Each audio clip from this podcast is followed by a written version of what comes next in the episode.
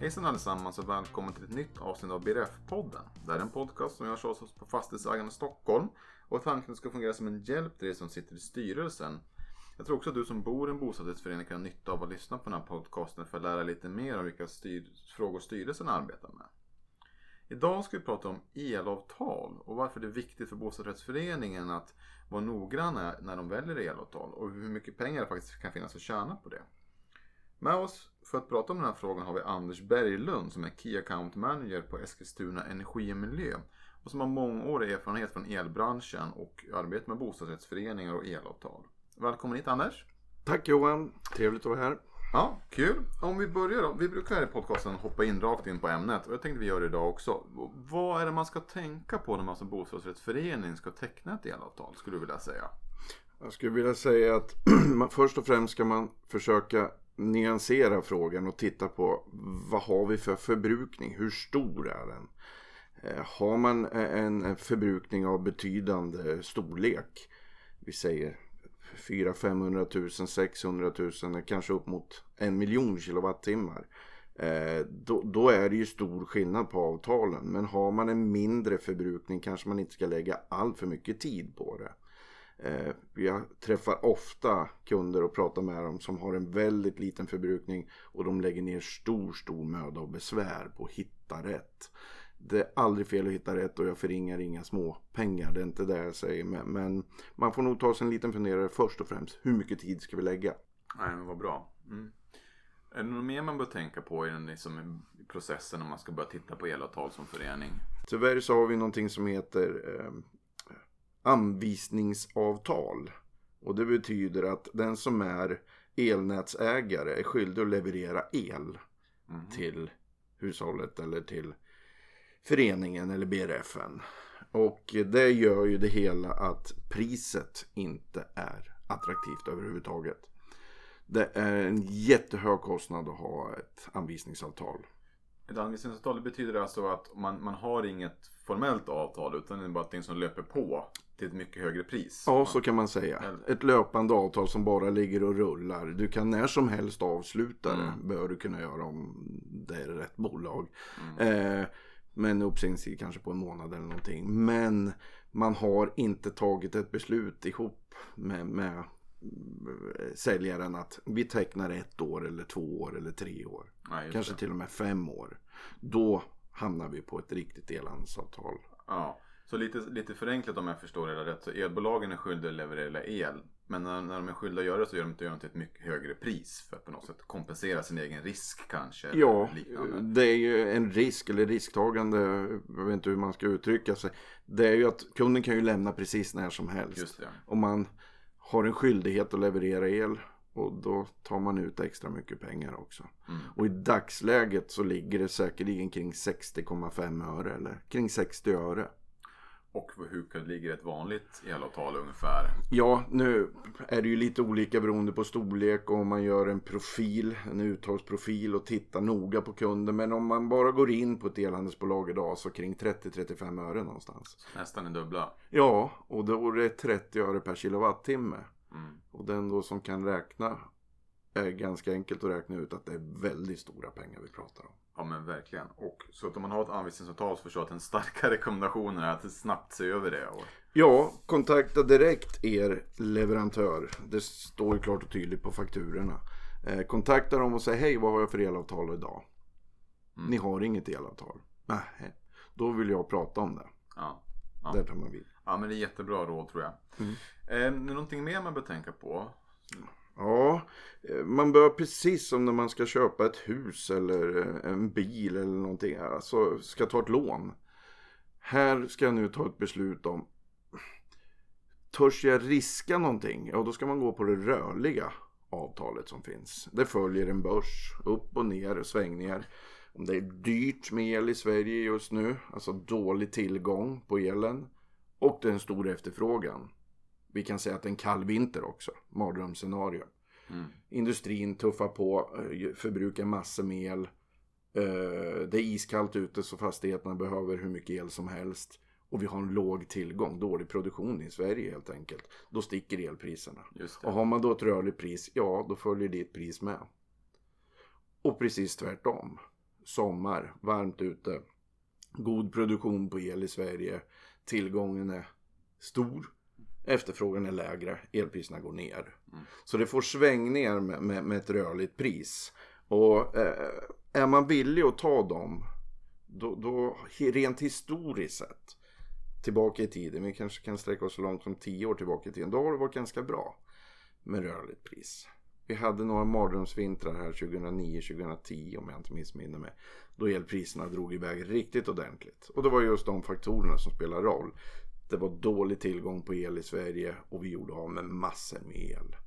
Då sticker elpriserna. Kontra då, nej men jag vill vara safe. Jag, jag vill veta mina elkostnader fem år framåt i tiden. Eller ett år eller tre år. Eh, då bör man gå på det fasta avtalet. Så man redan innan har tagit beslut om vad är det vi ska titta på. Annars blir det lätt förvirrande. Man börjar jämföra ett rörligt med ett fast pris. Vilket inte går. Du kommer inte Nej. att komma fram till någonting. Ja men bra. Det, tror jag, det är en väldigt bra rekommendation också tror jag, för många som sitter med de här frågorna. Slutligen då, om man tänker med, i, i, i, vad ska man tänka på när man ger sig in i det här arbetet? Jag tänkte att vi ska gå in lite mer på det vi kan kalla för vanliga fällor i elavtalen. Men är det något ja. mer du vill skicka med innan man gör, vi börjar prata om det? Det är de här grundläggande grejerna som jag tycker. Hur lång tid ska det här ta? Alltså har vi en stor förbrukning? Ja, vi har en stor förbrukning. Låt det ta lite tid. Mm. Eh, ska ni ta in offerter från andra bolag?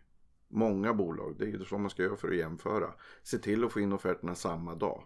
För det skiljer på elpriset. Det varierar, det är ju en börs. Ja. Och den, den eh, varierar dagligen. Varje timme faktiskt. Timme för timme ändras elpriser. Nej. Ja men jättebra.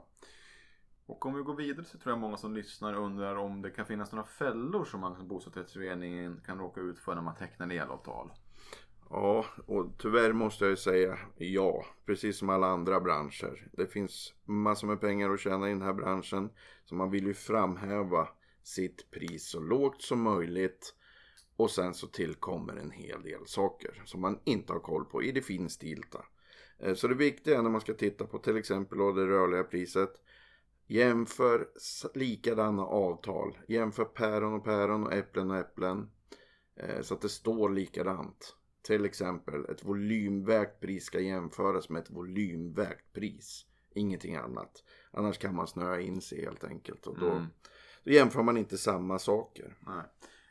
Finns det några sådana här dolda saker eller saker som kan tillkomma som inte är tydliga också i, i offerterna? Ja, tyvärr så finns det även det. Det finns många små extra kostnader som till exempel fast kostnad, årsavgift. Eh, det finns fler. Det finns eh, tilläggstjänster.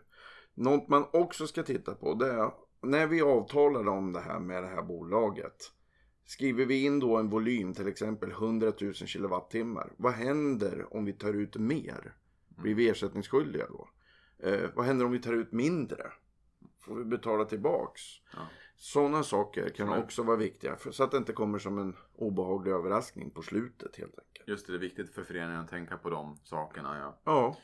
Det här med elcertifikatsavgifter hör man ju om ibland. Ja. Vad är det? Är det någonting man behöver tänka på i det här sammanhanget? Ja, det man ska titta på vad det gäller elcertifikat. Det är ju att på vilket sätt har man räknat fram priset på elcertifikatet? Det är likadant där. Gå ut och kika på Elmarknadsinspektionens hemsida. Där står det vad du ska betala för ett elcertifikat. Du ska inte betala mer än vad den kostar där. Mm. Många bolag lägger på några extra, ett halvt öre eller ett öre här och tjänar pengar även på det, tyvärr. Och sen är det ju tyvärr så att, att offerter får ju i princip se ut hur som helst. Det är väl ganska litet regelverk som styr det hela. Till skillnad mot själva eh, fakturan när den kommer. När fakturan kommer då kan ni sätta er ner och det bör man alltid göra. Titta på, var det här det vi kom överens om? Eller tillkommer det saker? I sådana fall, häv köpet. Ja. ja, men jättebra rekommendationer och tips eh, för att undvika sådana här fällor som man kan gå i. Om vi ska runda av det här eh, podcastavsnittet så om vi sammanfattar vad vi pratat om idag. Um, mm. Skulle du vilja göra det?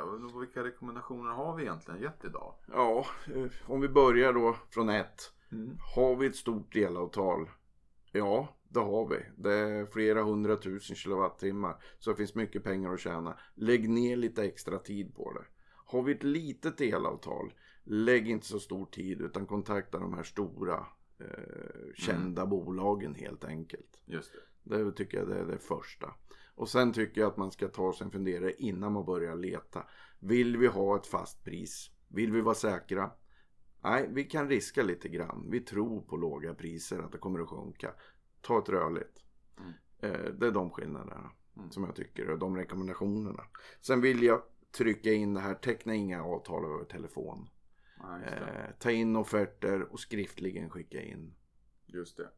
Och det är också så här om du har ett anvisningsavtal som vi sa tidigare. Sna mm. Se snabbt till att komma ur det. ja, man, ingen ska behöva gå på ett anvisningsavtal. Eh, många tror ju också, vi tecknade ett avtal för 7-8 år sedan.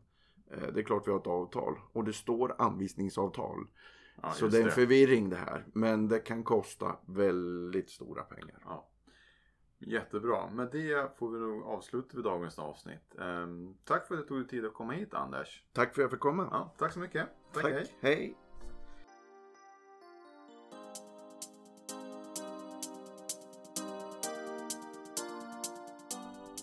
Ni har precis hört en avsnitt av BRF-podden. Jag hoppas att du tyckte det var intressant och lärorikt. Ni hittar tidigare avsnitt av den här podcasten på soundcloud.com, podcaster och iTunes.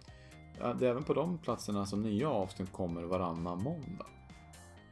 Ni hittar mer information om Fastighetsägarna Stockholm på vår hemsida fastighetsagarna.se Stockholm. Med det vill vi tacka för oss och hoppas ni vill lyssna på oss igen om två veckor.